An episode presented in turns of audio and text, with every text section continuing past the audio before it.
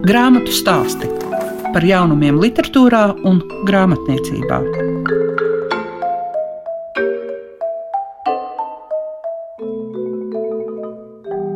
Esiet sveicināti visi tie, kas klausās grāmatu stāstus. Tā, protams, ir klasika, kas ir kopā ar jums, arī lieka piešiņa.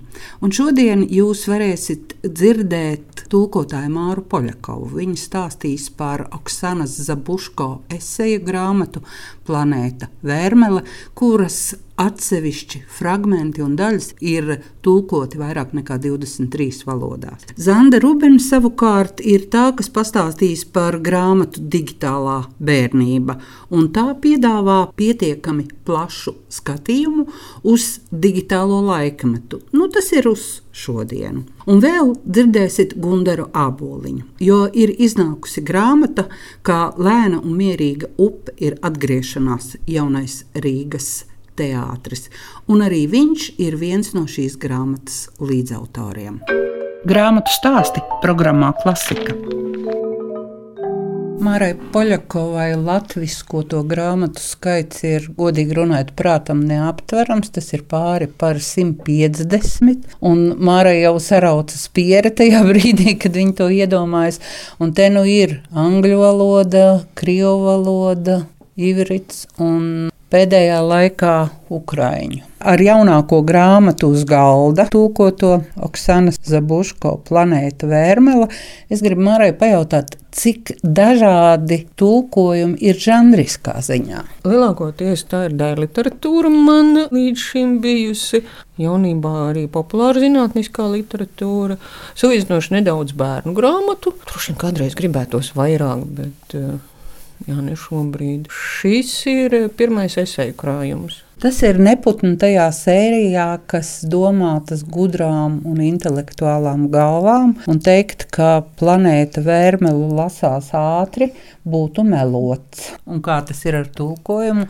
Vai tas tulkojās ātri? Tas tulkojās vienkārši kraujoši lēni. Reizēm pa visu dienu izdodas uztaisīt pusotru teikumu. Tiesa, tie teikumi ir gari lielākoties. Pana Oksana Ukrainā ir slavena ar saviem supergarajiem un sarežģītajiem teikumiem. Bet viņai arī domas ir sarežģītas. Viņai ir arī sarežģītas domas tieši tā. Viņa šajos teikumos, nepazaudējot galveno pavadienu, izmet līkumu pa visu pasaules kultūru, iekļauj atsauces un vēl arī mājienus, kas atritinās ārpus šī teikuma robežas, jau domājot par to, ko viņa ir uzrakstījusi. Bet viņa spēja, manuprāt, ļoti fantastiski savilkt vēsturi vēsturi, kultūru un savu personisko emocionālo pieredzi. Turklāt, manuprāt, viņa to dara apzināti. Viņa sāka kā dziniece ar nu, tādu salīdzinoši saprotamu nu, teiksim, liriku, bet līdz ko viņa sāka rakstīt prózu, tā uzreiz bija galēji subjektīva šāda proza,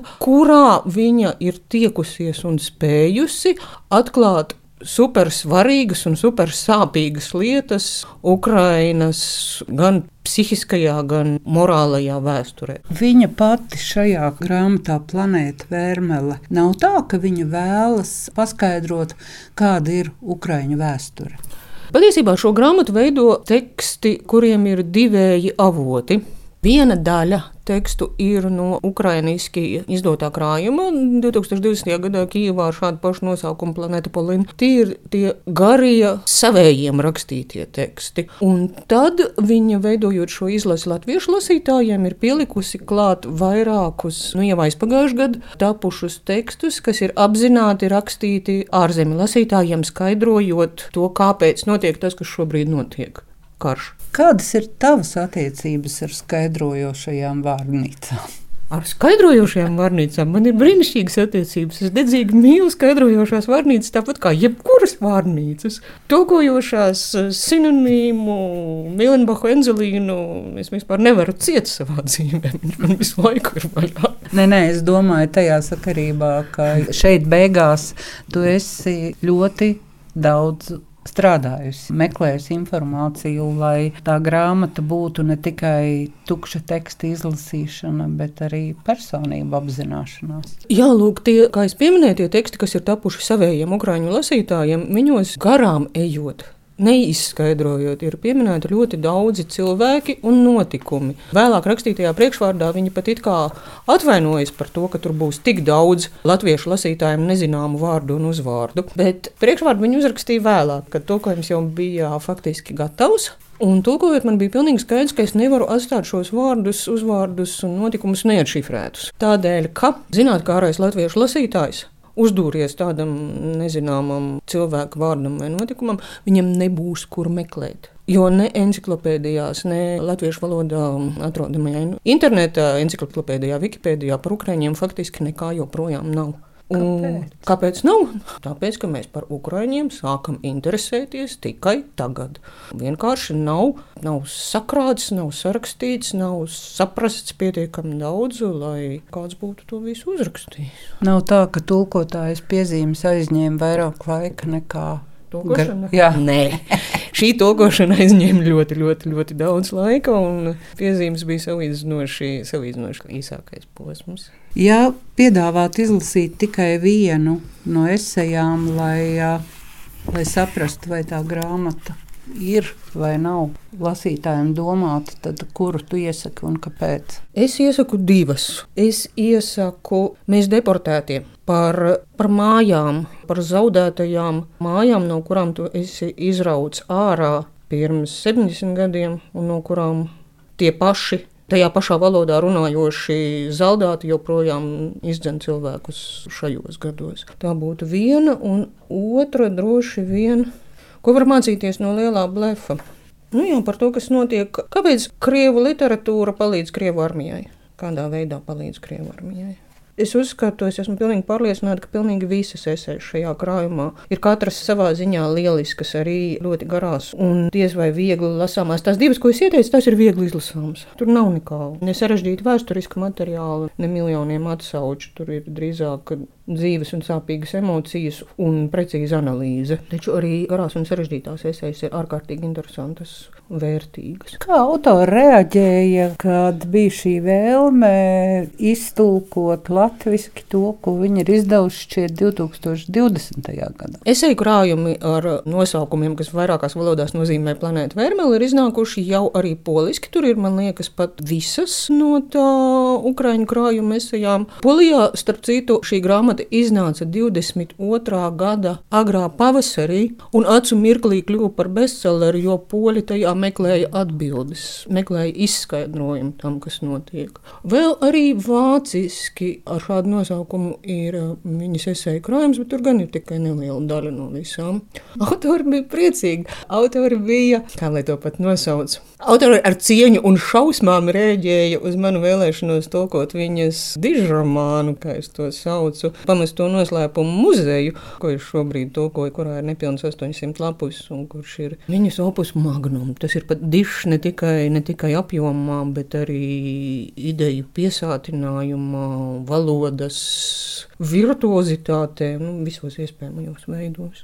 Tur gan viņi teica, ka es esmu ļoti braša un drosmīga. Tev iztulkotā planēta Vērmele palīdz tulkot to dižu darbu. Jā, jā man, ir, man ir sajūta, ka es saprotu, kā viņi raksta. Tas nenozīmē, ka man izdodas ātrāk vai vieglāk atrast tos ļoti reti lietotos vārdus, kas tur ir iekšā, viegli atrast atbilsmes viņiem latviešu. Tas joprojām ir tikpat grūti, bet man ir sajūta, ka es esmu sapratusi to, to vilni, ar kuru viņa raksta. Man vairs nav jāmeklē un nav jāmēģina uzķert, kādā veidā viņa veido teikumu, kādā veidā viņa elpo tekstā. Lūk, tas. es mūsu sarunas nobeigumā gribu tev lūgt izstāstīt vienu no epizodēm. Viena no pamesto noslēpumu muzeja varonēm ir televīzijas žurnāliste, un epizode ir tāda, ka televīzijas studijā viņai pretī nāk jauns skaists vīrietis. Un viņa neskaidrs ir pilnīgi pārliecināta, ka viņš uzsāks sarunu krieviski. Pēc tam viņa sev jautā, kāpēc viņa par to bija tik droša. Tādēļ, ka viņš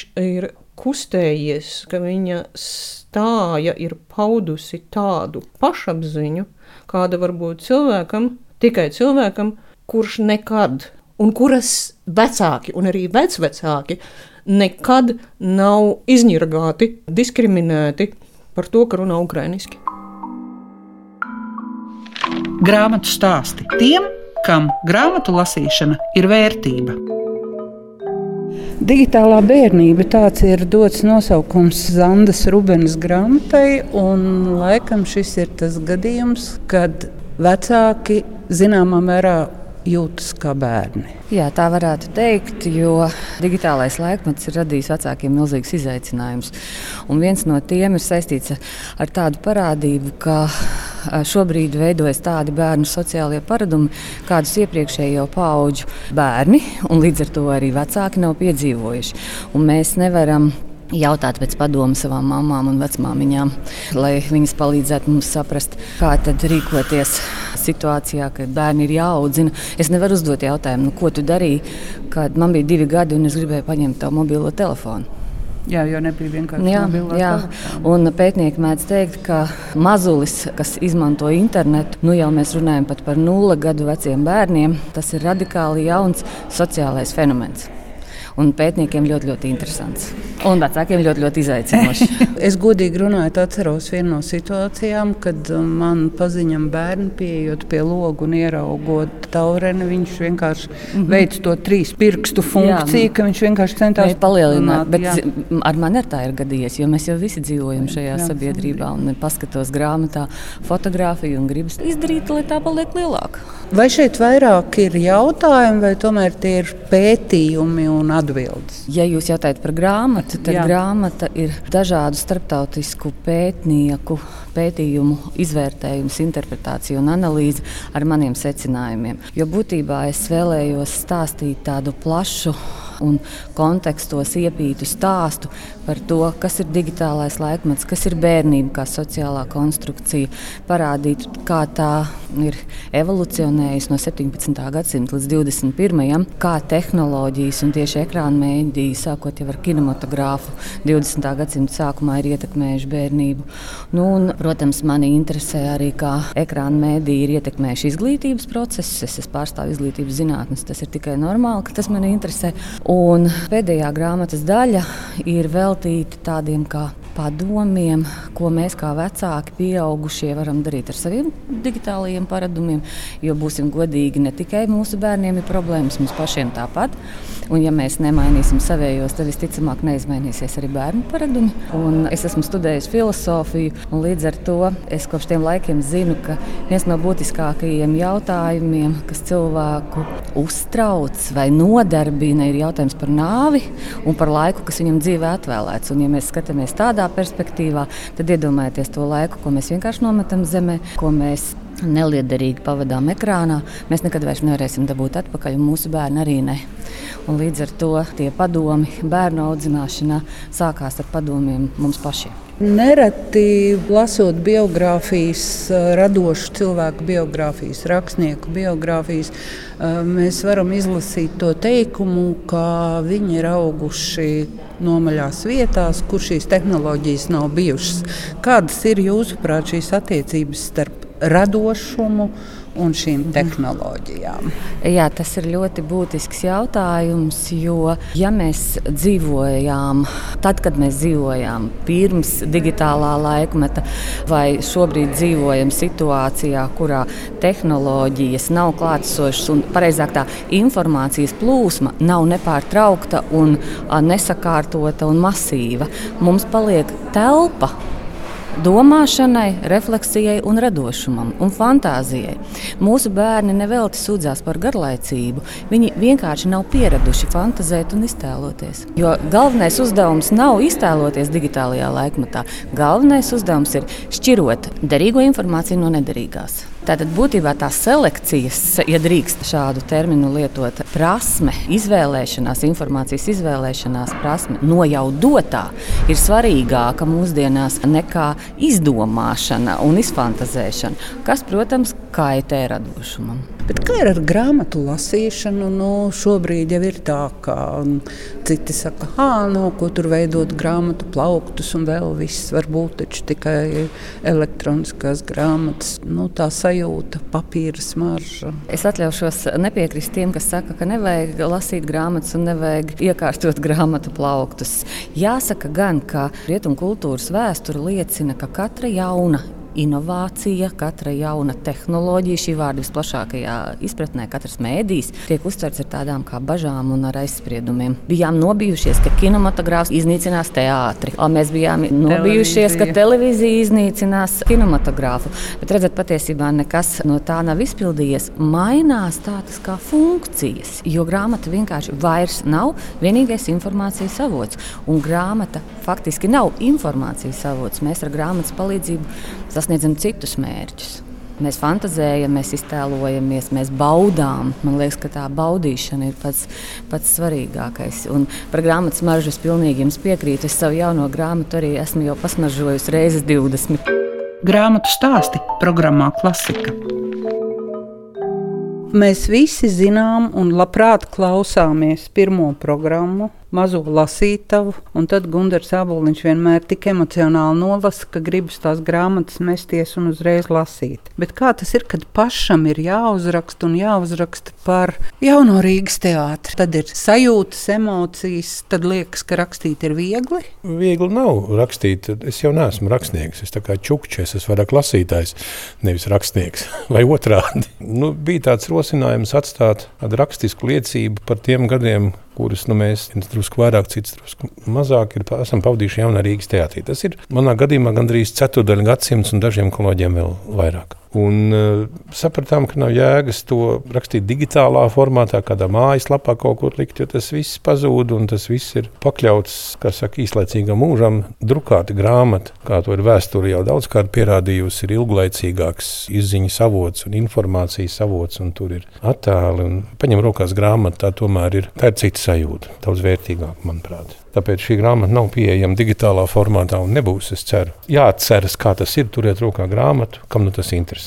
Bet parasti tie, kuriem interesē, viņiem arī patīk turēt rokās grāmatu. Tā kā tur nu mēs, es ceru, nebūsim kļūdījušies. Un bija doma, ka katrs uzrakstīs savas izjūtas. Un nebija nekāda ne konkrēta tēma. Mēs savā starpā neko nebijām sarunājuši. Un, un es domāju, par ko es varētu rakstīt. Es, sakot, domāju, ka man vajadzētu. Es no, no sākuma tā īsti nebija drošs, bet nu, tad man tā iedrošināja, ka vajag pamēģināt. Jo sacerējumi arī skolas laikā nebija mana mīļākā nodarbošanās. Jā, es domāju, bet nu, par teātri. Nu, kas tas teātris ir? Vai tā ir vieta, ēka? Uz kuru mēs ejam, un tad skatāmies, ko mums tur rāda, vai mēs ejam pie cilvēkiem, neatkarīgi, kur viņi spēlē. Ja mēs esam arī savā dzīvē spēlējuši ļoti daudz un dažādās vietās, varētu teikt, visā pasaulē. Un nevienmēr tās ir bijušas teātrēkas, nākuši skatīties mūsu tieši. Un Man līdz šim nav skaidrs atbildes uz to. Es sapratu, ka tas ir tāds sakausējums, ka domu biedru teātra veidotāju grupai, ģimenei vai bandai, nu, var saukt kā gribi, tomēr ir jābūt savām mājām. Un tā ir ģimene, kas tur dzīvo. Tā nav viesnīca, kā projekta teātris būtu viesnīca. Bet tā ir mūsu māja, un mēs tur dzīvojam, un mēs tur iedibinām savu kārtību, un tur valda tāda gaisotne, kādu mēs to izveidojam. Jo viesnīcas izveidina, uzklāja jaunas palagas, un atkal tā ir bezpersoniska vieta. Nu, vairāk vai mazāk. Tā kā manā gadījumā teātris nav viesnīca, teātris ir mājas. Un es mēģināju saprast, kādas ir šīs sajūtas, un tās tādā mazā gabaliņā izliku uz papīra. Un beigās izrādījās, ka mans gabaliņš ir visīsākais. Tur jau daudz kolēģi bija, kas saka, atplaukuši daudz garākos aprakstos, gan par notikumiem, gan tā. Un, nu, labi, nu viens gabaliņš ir ar ko salīdzināt. Nu, tad ir īsāks un garāks. Jerofejevam grāmatā Maskavas gailīši ir arī viena nodaļa, Karačārovas laikam saucas, kur vispār ir divi vārdi nodaļā. Tā kā nu, nodaļas īsums jau nemaina lietas būtību. Nu, vismaz palika vairāk vietas fotografijām. Vai tā ēka ietekmē to, kas tur ir spēlējuši? Mums ir jāpieņem fakts, ka tās ēkas vairs nav un nekad vairs nebūs. Mēs atgriežamies vecajā adresē, nevis vecajā ēkā. Nu, mums tas ir atklāti jāpasaka, ka ir divas trepju kāpņu jomas palikušas un ārsiena.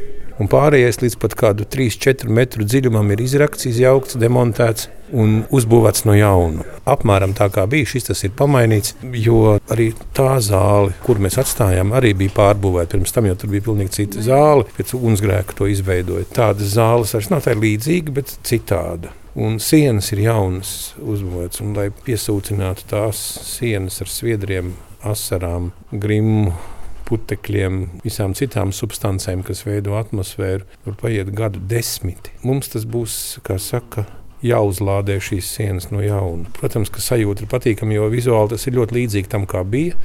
Bet tur ir drusku citi telpu plānojumi, un tur ir atsakts ļoti daudz interesantas lietas. Es neesmu bijis māju iztaigājis, es par to nevaru spriest. Bet vēsture tur ir klātesoša, jo mēs zinām Zaigas gailas prasmi detaļās izstāstīt ļoti interesantus stāstus. Nu, redzēs, es par pašu ēku vēl nevaru spriest. Es gaidu mēneša beigas, kad mēs saņemsim atslēgas, un tad arī es iešu skatīties. Līdz šim es esmu bijis tikai divreiz uz skatuves izskan grāmatu stāsti. Jūs tikko dzirdējāt Gunda Rāboliņu, un lai nu kā mēs nereizi nenosaucām grāmatu, par kuru viņš stāstīja, un tā ir kā lēna un mierīga upe, ir atgriešanās jaunais Rīgas teātris. Jo par autoriem šeit var nosaukt vairāk nekā desmit cilvēkus, kas ir saistīti ar jauno Rīgas teātri. Un vēl jūs dzirdējāt Zandu Rubeni, viņa stāstīja par grāmatu Digitālā bērnība, savukārt tulkotāja Māra Poļakova iepazīstināja ar Oksanas Zabuško planēta Vērmela.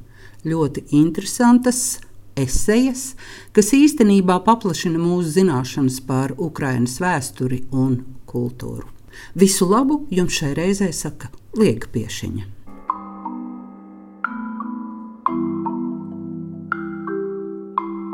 Grāmatu stāstu par jaunumiem literatūrā un grāmatniecībā ik trešdien, 9.5. ar atkārtojumu Svētdien, 18.15.